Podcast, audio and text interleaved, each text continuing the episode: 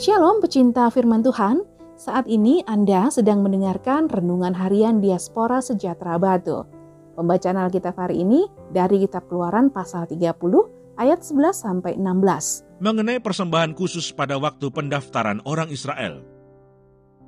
Tuhan berfirman kepada Musa, Apabila engkau menghitung jumlah orang Israel pada waktu mereka didaftarkan, maka haruslah mereka masing-masing mempersembahkan kepada Tuhan uang pendamaian karena nyawanya pada waktu orang mendaftarkan mereka, supaya jangan ada tulah di antara mereka pada waktu pendaftarannya itu. Inilah yang harus dipersembahkan tiap-tiap orang yang akan termasuk orang-orang yang terdaftar itu. Setengah sikal ditimbang menurut sikal kudus. Sikal ini 20 gera beratnya. Setengah sikal itulah persembahan khusus kepada Tuhan setiap orang yang akan termasuk orang-orang yang terdaftar itu, yang berumur 20 tahun ke atas, haruslah mempersembahkan persembahan khusus itu kepada Tuhan. Orang kaya janganlah mempersembahkan lebih, dan orang miskin janganlah mempersembahkan kurang dari setengah sikal itu pada waktu dipersembahkan persembahan khusus itu kepada Tuhan untuk mengadakan pendamaian bagi nyawa kamu sekalian. Dan haruslah engkau memungut uang pendamaian itu dari orang Israel dan menggunakannya untuk ibadah dalam kemah pertemuan, supaya itu menjadi peringatan di hadapan Tuhan untuk mengingat kepada orang Israel dan untuk mengadakan pendamaian bagi nyawa kamu sekalian. Ayat mas hari ini dari kitab keluaran 30 ayat 15.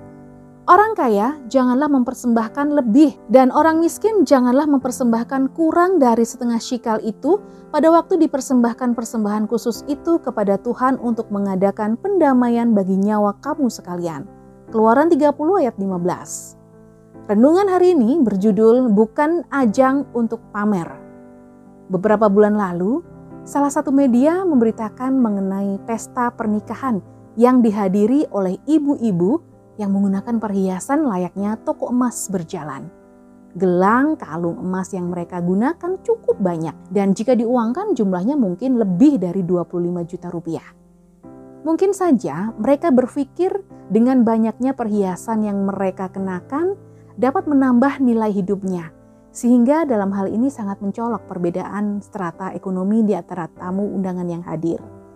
Memang perbedaan ekonomi dalam kehidupan manusia sudah terjadi sejak zaman dulu dan termasuk dalam kehidupan bangsa Israel. Oleh karena itu Allah juga mengatur persembahan khusus yang harus diberikan umat kepada Allah. Hal ini Allah lakukan dengan tujuan supaya yang berkelebihan harta tidak menjadikan persembahan khusus mereka sebagai ajang untuk memamerkan kekayaan.